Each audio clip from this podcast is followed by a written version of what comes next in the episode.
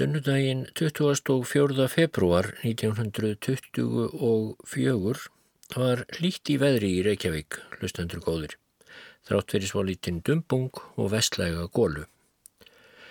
Þá safnaðist heilmikill mannfjöldi saman á Arnarhóli, nokkur þúsund manns, giskaði dagblæði vísir á daginn eftir.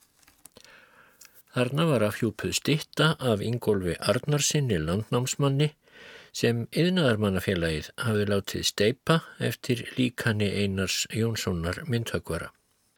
Þá voru liðin tæp 20 ár frá því nokkur menn í Reykjavík hafðu strengt þess heit að láta reysa þjóðar minnismerki sem geti vakað yfir hinnu unga sjálfstæði í kjálfar heimastjórnarinnar 1904 þegar íslenskur ráþerra tók við stjórn innanlandsmála.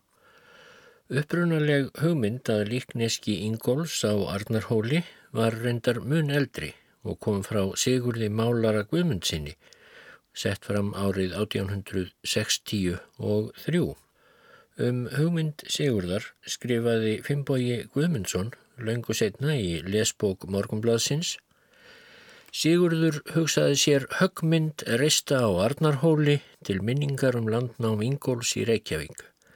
Erindi um þetta flutti hann í kvöldfélaginu 30. janúar 1863 og var það fyrsta tillaga Sigurðar sem horfið til príði og þryfnaðar í bænum.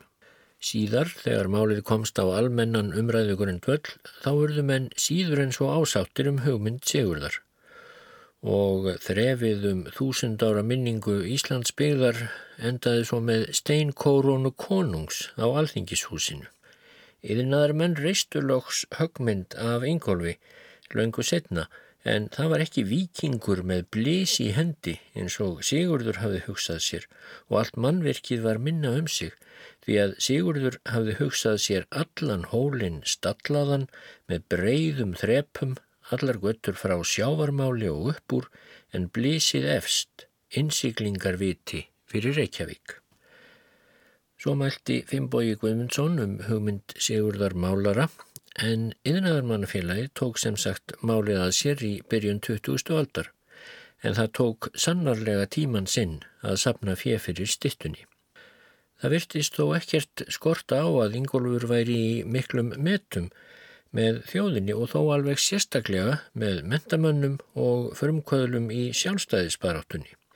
Hér er mjög dæmigerð lýsing á Ingólfi Arnarsinni eins og mentamenn þjóðarinnar litu á hann á hátindi sjálfstæðisbaróttunar en eftirfærandi lýsingu á landnámsmanninum skrifaði Guðmundur Fimboason í skýrni árið 1906.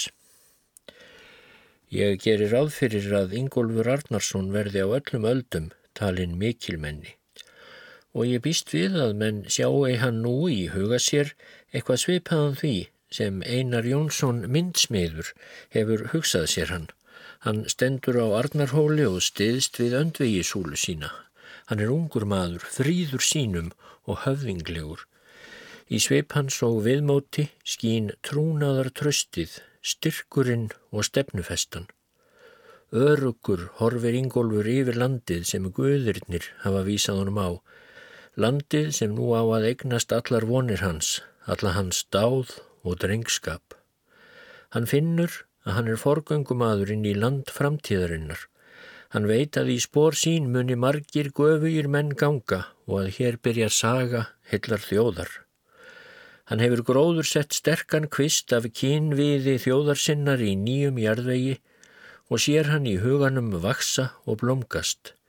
Í hillingum hugssjónanna sér Ingólfur sögu íslenskrar þjóðar. En þrátt fyrir þessa fagru mynd af Ingólfi sem uh, Guðmundur Fimboðsson dró upp, þá tók tíman sinn fyrir yðnaðarmannafélagið að sapna fjö fyrir stittunni og Einar Jónsson mun meira segja hafa litið á það sem mikla og gremjulega kvöl fyrir sig persónulega hver ídla gekk að koma upp stittunni. En upp úr 1920 tóku yðnaðarmenn til óspiltramálana aftur undir fóristu nýjis formans Jóns Haldorssonar húsgagnasmiðs og hann gekk fram af slíkum dugnaði að fyrir tók loksað sópast í stittusjóðin. Og þarna, sunnudaginn 24. februar, var líkneski Ingóls Arnarssonar loks komið upp á Arnarhóli stift í eir þótt frágangur á stöplinum væri mest allur eftir. Og viðstattir fengu að heyra tvö kvæði um fyrsta landnámsmann Íslands og Reykjavíkur.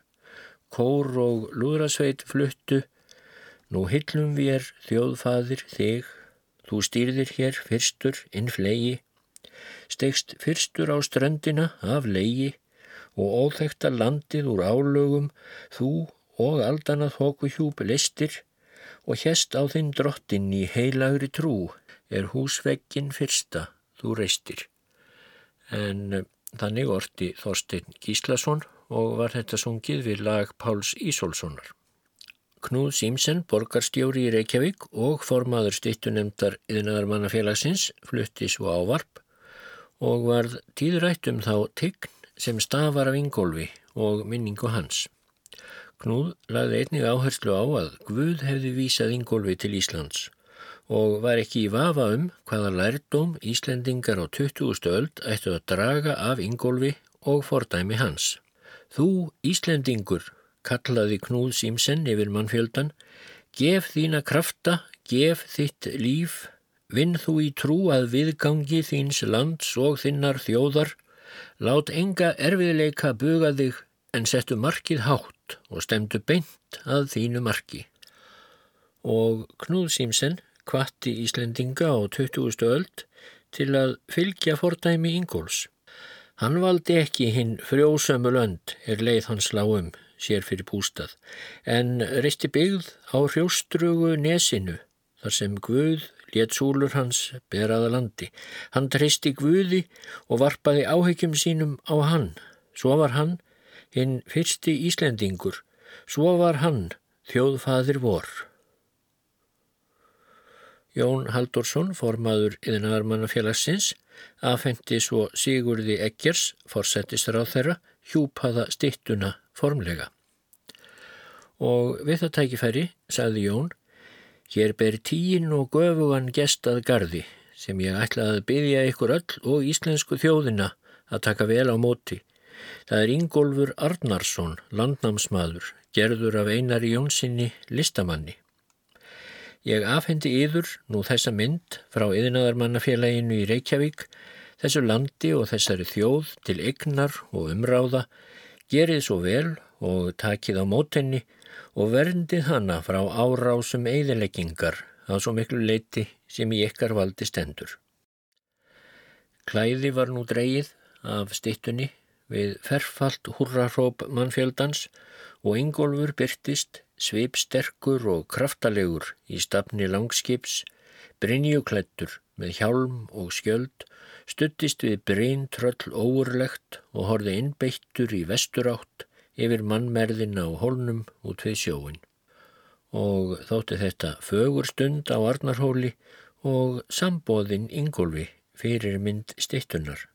Blíð og fríð, frelsistíð, frægur, steg á grundu, Ingólfur Arnarbur Ítur hreitn í lundu eins og sér að Mattías Jokkumsson orti á sínum tíma um Ingólf.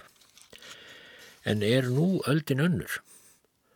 Utan úr heimi berast flögufregnir af því að stittur af alls konar fræðar köllum sögunar eigi nú undir höggað sækja og þá ekki síst stittur þeirra sem á einhvern hátt stuttu eða stuttust við þrælahald. Menn segja kannski í sí svona, jú þessi kall var kannski dugnaðar forkur á sínu sviði en er ástæða til að heidra hann sérstaklega með stittu á ábyrrandi stað úr því hann var þrælakaupmaður, þrælahaldari eða barðist fyrir því að þrældómi væri viðhaldið.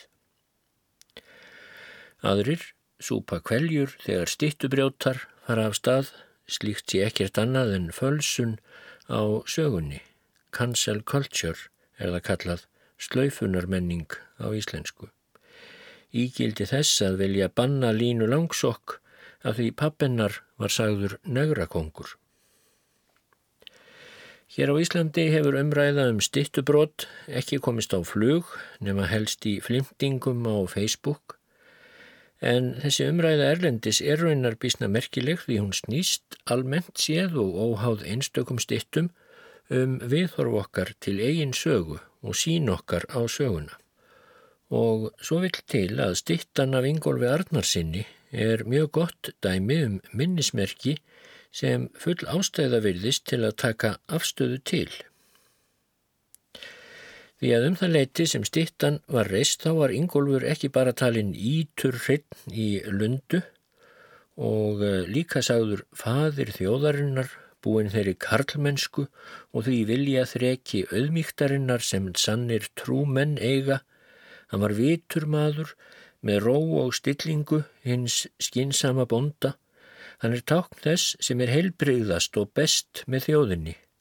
Ingólfur hlýðir því sem best er í honum og við eigum valla sögur af meiri og sannari trúarhetju en honum. Svo skrifaði Magnús Jónsson, alþingismadur í Eðunni árið 1923, rétt um það bil sem Jón Haldorsson, Knúð Símsen og félagar voru að ljúka fjáröflun sinni fyrir stittu Ingóls á Arnarhóli en þessi ítur reyna trúarhetja sem hafði í för með sér blíða og fríða frelsistíð, hún er samt um leið óafmáanlega hlekkjuð þrælahaldi í sögunni, einmitt því atriði sem mest ergir stittubrjótana erlendis. Því Ingólfur var sjálfur þrælahaldari og ekki nómið það, hann bældi líka niður þræla uppreist þegar hann drapað minnstakosti tíu þræla sem snúist höfðu gegn eiganda sínum. Spurningin er, eigum við endilega að skarta stittu af slíkum manni á helsta stað í höfuborginni. Byrjum þá á að skoða hvað finna má um Ingolf í rituðum heimildum. Fyrst og fremst landnámu sem að líkindum var skrifuð á fyrirluta 12. aldar en Ingóls er endar líka getið í Íslendingabók Ara Fróða Þorgilssonar. Ingólfur og Hjörleifur voru frendur og fóstbræður sem byggu í fjörðum í Noregi, en þangað höfðu feður þeirra flúið frá Þelamörk, norðar í landinu, vegna mandrápa. Fóstbræðurnir Ingólfur og Hjörleifur fóru eitt sumarið í Viking með þreymur kumpánum sínum, en svo slettist upp á vinskapin vegna kvennamála. Tvívegis kom til bardaga og feldu fóstbræður tvo af þessum þremur kumpánum sínum sem voru sínir jarls nokkurs. Við sáttaðum leitan varð niðurstaðan svo að Ingólfur og Hjörleifur skildu bæta víin með því að gjalda jarðeignir sínar. Fóstbræðurnir fóru þá að velta fyrir sér að flytjast af landi brott frá Noregi og fóru að skoða það land Ísland sem Hrafnaflóki hafði nýlega kannad og sagt á bæði kost og löst. Eftir vetursetu fóstbræðra á Östfjörðum þá varð ofan á að setja stað á Íslandi. Ingólfur var næstu misseri í Noregi að undirbúa brottförina en Hjörleifur fór í Viking til Íslands. Þar rændi hann góðu sverði og miklu fjö og ennfremur tók hann á Íslandi þrælatíu er svo héttu Dufþakur og gerröður, skjaldbjörn, haldór, drafdittur, eigi eru nefndir fleiri, segir í landnámu. Næsta vetur gengu fóstbræður og nú mágar til vestlu og Ingólfur leitaði sér heilla hjá hennum fornu guðum um forlög sín og við fréttin vísaði Ingólfi til Íslands. Hjörleifur vildi hins vegar aldrei blóta en það er að segja heiðra guðina.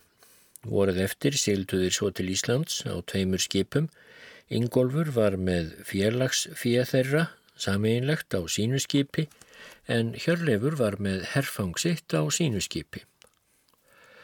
Er upp að Íslandsströndum kom örðu fóstbræður viðskila, Ingólfur skaut út öndvegi súlum sínum og saðist myndu byggja þar sem súlurnar kemur að landi en lendi svo við Ingólfshafða á Suðausturlandi og hafði vetursetu þar. Hjörleifur lendi við Hjörleifshafða, tölvert vestar og voruð eftir vildi hann spenna þræla sína fyrir plóg. Þá drápu þrælarnir Hjörleif. Þegar Ingólfur kom síðar að vývandi og sá máksinn og fóstbróður döðan, þá meldi hann að sögn landnámu. Lítið lagðist hér fyrir góðan drengir þrælar skildu að bana verða. Þegar ég var í skóla í kringum 1970 þá var enn vitnað til þessar orða þannig að þau væru vel mælt og vil sönn í einhverjum skilningi.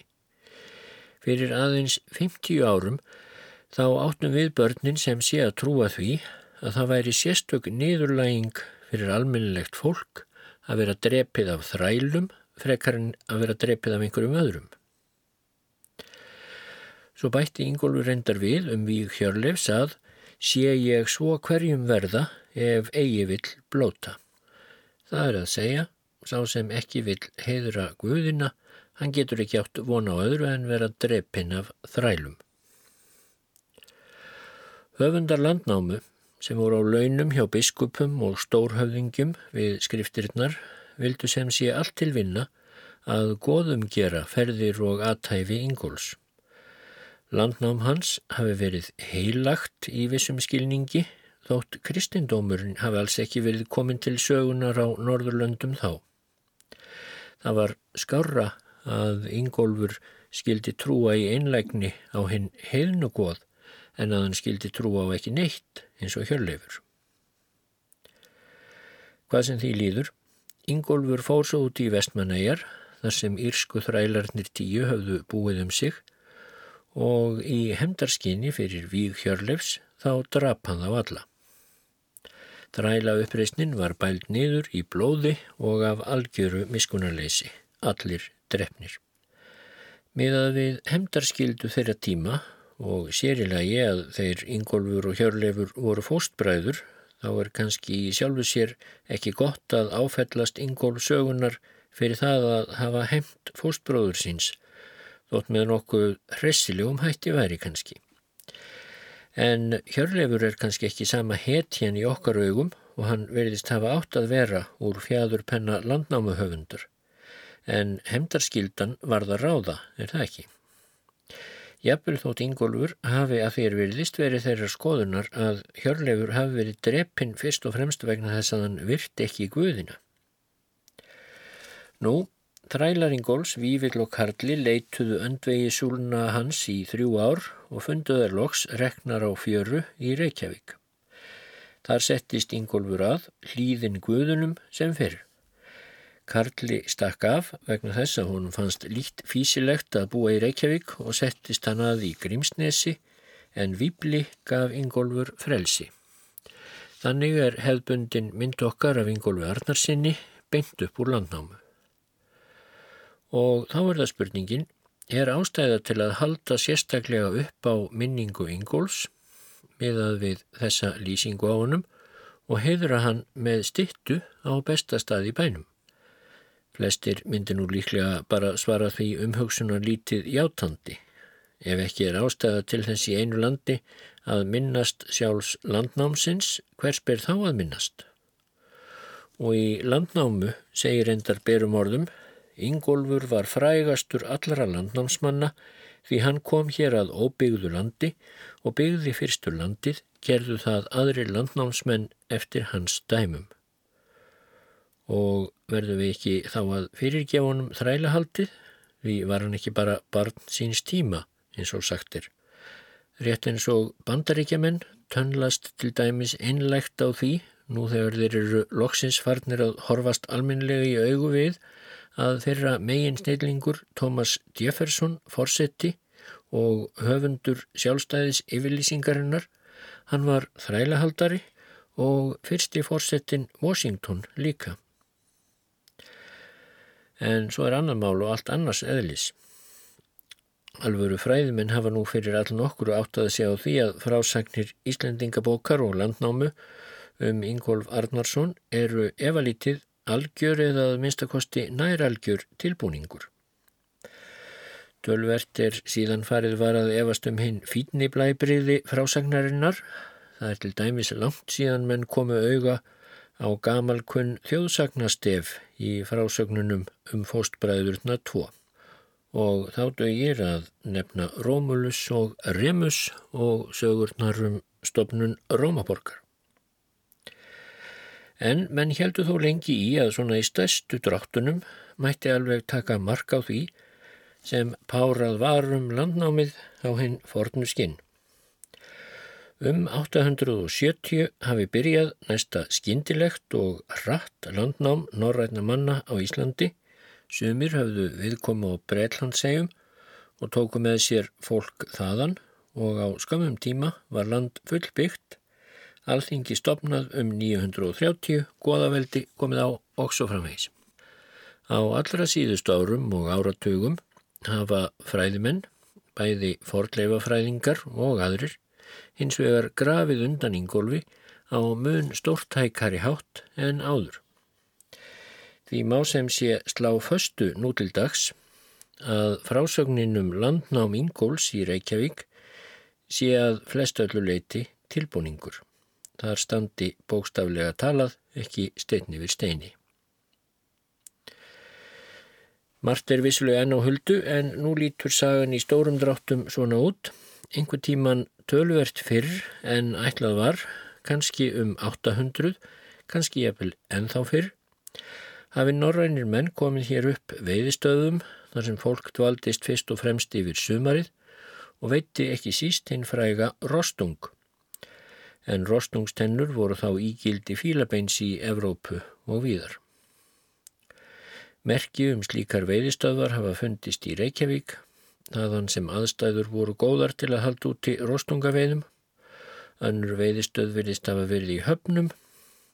Ekki hvað að vísu hafa tekist að sannreina ennþá að mannvistar leifar í Reykjavík séuð marki eldri en frá því skömmu fyrir 870 en leifar frá höfnum verðast allt hérnt 70 til 90 árum eldri. Og endurómur frá æfagamlum minningum um Ísland sem veiðistöð gæti svo hafa byrst í frásögn landnámu sem skrifuð var löngu síðar. En þar segir Ketill Flatnefur, höfðingi sem hrakist hafði frá Noregi til Skotlands Hann segist aldrei mundu flytja í þá veiðistöð Ísland á gamalsaldri. En smátt og smátt, samkvæmt hinn í nýju mynd af landnáminu, hafa menn svo farið að hokra hér á landi allt árið og stunda búskap í vaksandi mæli. Þar kom svo að menn útrýmdu íslenska rostungastofninum eins og síldinni setna og veiðimennska lagðist í að mestu af en eftir eruðu búand karlar og kellingar og nokkrum öldum síðar hafði snjóað svo mjög yfir veiðiskapin í minni landsmanna að þegar landnáma var skrifuð þá þurfti að gröbla upp sérstakka skýringu á því af hverju til íls fórum við um góð héruð er við skildum byggja útneðs þetta eins og þrællin Karli er látin velta fyrir sér. Góður bondi, eins og Ingólfur á að hafa verið, hefði vitaskuld ekki valið sér bæjarstæði á hennu tilturlega hrjóstruga nesi þar sem heitir nú Reykjavík ef honum hefði verið sjálfrátt eftir að hafa farið um grösug héruð á Suðurlandi og því eru guðurinnir kallaðir til og öndvegi súlur Ingóls látnar rekka til Reykjavíkur þótt á móti ströymi sé. Sennilega hafa lifaði í minni manna á tóltu öld þegar farið var að skrifa landnámu minningar um Reykjavík sem einhverja eldstu byggð á Íslandi og þá staðarind þurfti að skýra með einhverju móti fyrir því bændasamfélagi sem þá var reysið á Íslandi og landnáma var skrifuð fyrir.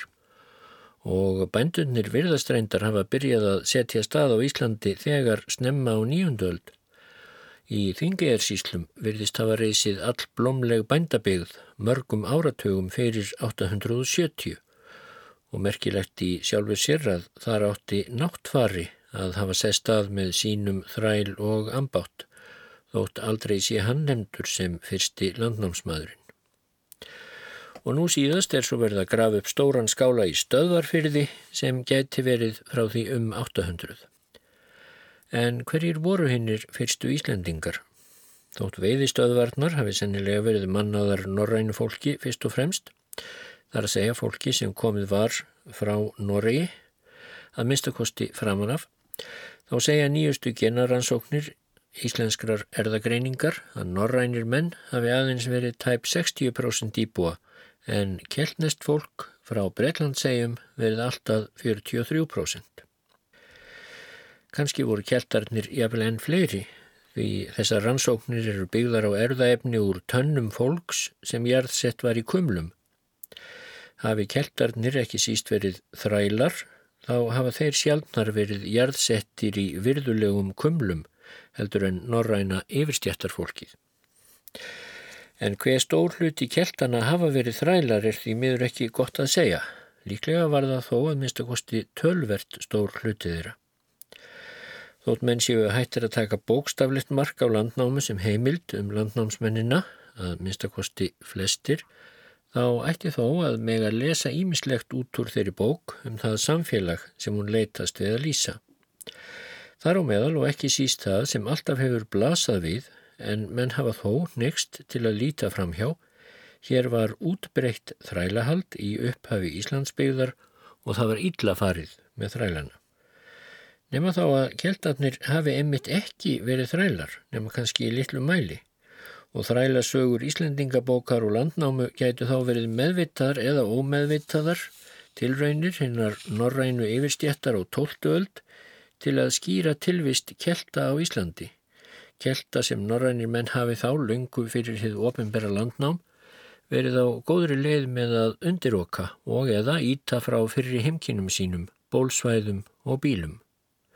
Landnáma hafi kannski verið meðvitað áróðusritt til að sína mönnum fram á að landið hafi alltaf verið í eigu norrætna vikingaætta og keltarnir sem núna var búið að undiroka þar að segja á tóltu öld hafi bara verið þræla grei. Á móti þessu mælir að enn sem komið er hafi ekki fundist í jörðu leifar af öðrum húsakinnum enn norrænum. Spurning er að vísu um mann gerðu hellana í Róngarvallasíslu en þar getur valla mjög margir hafa getað búið. En um þetta verður ekki sagt að sinni. Við skulum þá vikja aftur að Ingólfi og hvað verður í rauninni vitað um hann.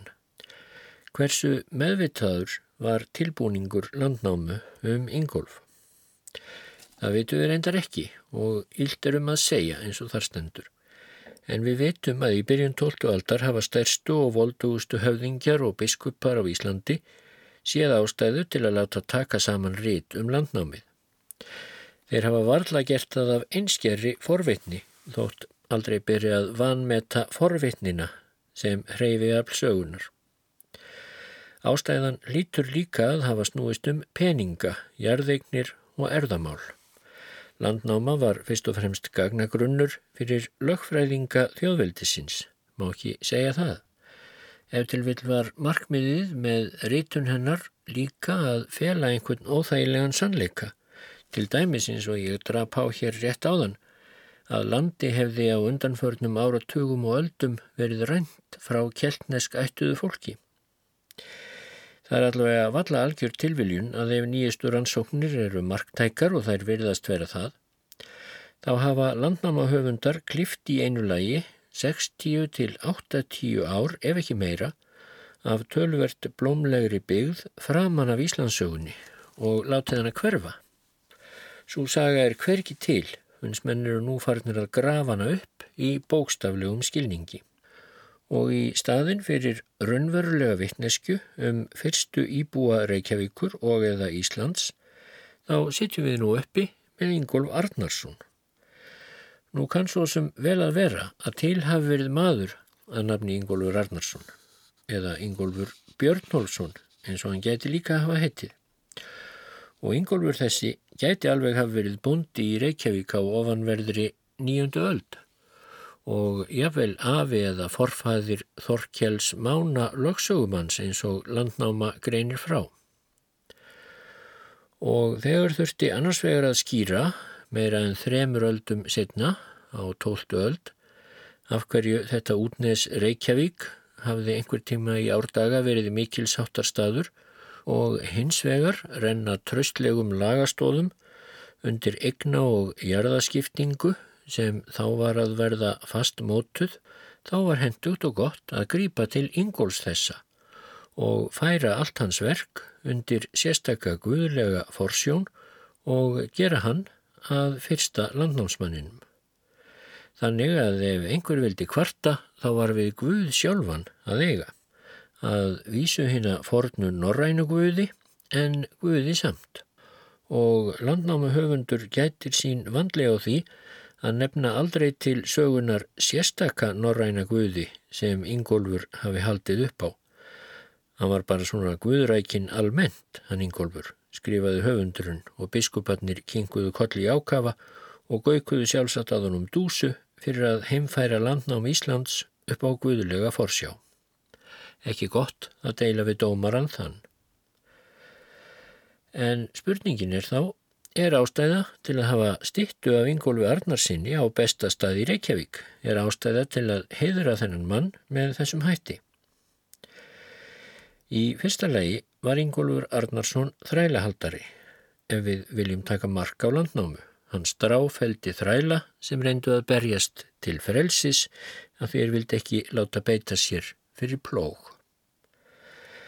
Þá var Ingólfur svo ofsatrúaður að hann stemdi sér og fólki sínu, beinlinnis í lífshættu, með því að eldast við eh, meintan vilja Guðs á ókunnum slóðum í framandi landi, í stað þess að byrja strax að búa um sig og sína í góðum og blómlegum héröðum en í öðru lagi bendir sem sé allt til þess að Ingólfur hafi ekki verið til, að minnst að kosti ekki sá Ingólfur sem byrtist í landnámu allavega og var síðar í tólkun sjálfstæðisbaróttunar að frelsishetju Guðrækinni mjög er ástæða til að hafa stittu af þeim manni á Arnarhóli. Svarið er þá einhvern veginn svona, jújú, jú, hafið endilega stittu af Ingólfi, hún fer ágætlega þarna á Arnarhólunum. En um leið skulum við þá gera okkur grein fyrir því að þetta er í rauninni skáldsagna persóna. Við gætum alveg eins verið með stittu af Andriesi Önd þarna á hólnum. Stittan er sem sagt ekki til heiðurs Ingólfi Arnarsinni sem raunverulegri persónu og hún er reynar heldur ekki til heiðurs landnámi Íslands því það gerðist ekki fyrir hans tilstilli, því má slá nokkuð föstu. Þessi stitta er því fyrst og fremst til minningar um söguskoðun Íslendinga í byrjun 20. aldar og þó er hún kannski allra helst til vittnis um dugnað Jóns Haldurssonar húsgagnasmiðs við að sapna peningum. Við áður en hann kom að Þá hafði hugmyndinum stittu af Ingólfi þarna á hólnum lengi verið í andar slitrunum vegna áhuga og peningalessis. Það var ekki fjöldin, það var ekki íslensk alþýða sem baðum þessa stittu. Vilji menn stittu á Arnarhóli til minningar um hæfileika Jóns Haldurssonar til fjáröflunar, þá er það náttúrulega í góðulagi minn vegna. Personlega myndi ég kannski kjósa stittu af íslenskri alþýðu en það verður svo sem að viðurkenna að stittur yfir leitt eru sjálfnast allar þar sem þær eru séðar. En burt séð frá persónu Ingóls Arnarssonar eða tilvist hans í holdinu, þá er útlitt stittunar annar handlegur. Þótt menn reyni af öllu aflega að trúa því að eitthvað sé hæft í frásögn landnámu af Ingólfi og landnámi hans í Reykjavík, þá er að minnstakosti alveg ljóst að stitta Einar Sjónssonar gefur alranga mynd af honum. Í fyrsta lagi hefur hann ekki staðið í stafni langskips með drekatrjónu. Slík skip voru herskip sem ekki þóldu úthafsiklingar allarið til Íslands. Ég hugsa að raunverulegt að langskip hafi aldrei komið til Íslands á fyrir tíð. Hingað komu knerrir og flutningaskip sem ábyggilega voru aldrei prýtt drekatrjónum. Í öðru lagi eru þetta fráleitt að Ingólfur hafi staðið vígbúinn í skipi sínu er það nálgæðist Ísland í nýðhungri ringabrinju og með hjálm og skjöld og svo meira segja skikju. Það ekki sé nefnt brintröllið sem hann heldur á. Um andlitsfall og andlitsstrætti stittunar er það að segja að Einar Jónsson hefur sennilega talið þá vera bræður þá Ingólf og Leif Hefna svo líkir sem þeir eru þar sem þeir standa á stöllum sínum í Reykjavík. Báðir svo grannir, spengilegir, langleitir, kinnbeinaháir, hermanlegir, hátilegir, já, arískir báðir tveir. En þeir sem efast um tilveru Ingóls vekja sömur aðtikli á nafni hans. Forliðurinn Ing þýtti konungur og sænska og norska konungsættin kalluðust Inglingar og svo kemur Olfur sem eru þetta Olfur. Nafn Ingóls þýðir því konungsúlfur. Þaðan er ekki langt yfir í allra kunnustu söguna um bræður, postbræður sem byggðu borg og námu land en það er sagan um Rómulus og Remus sem ég nefndi á þann. Þeir bræður þurftu að hröklast frá sinni heimaborg eftir að hafa drepið tvo síni mektarmanna þar, rétt eins og Ingólfur og Hjörleifur, og Rómulus og Remus hófust af handam að byggja Rómaborg. Bræðurnir höfðu sem kunnugt er verið fóstraður af Ulfinju í bensku.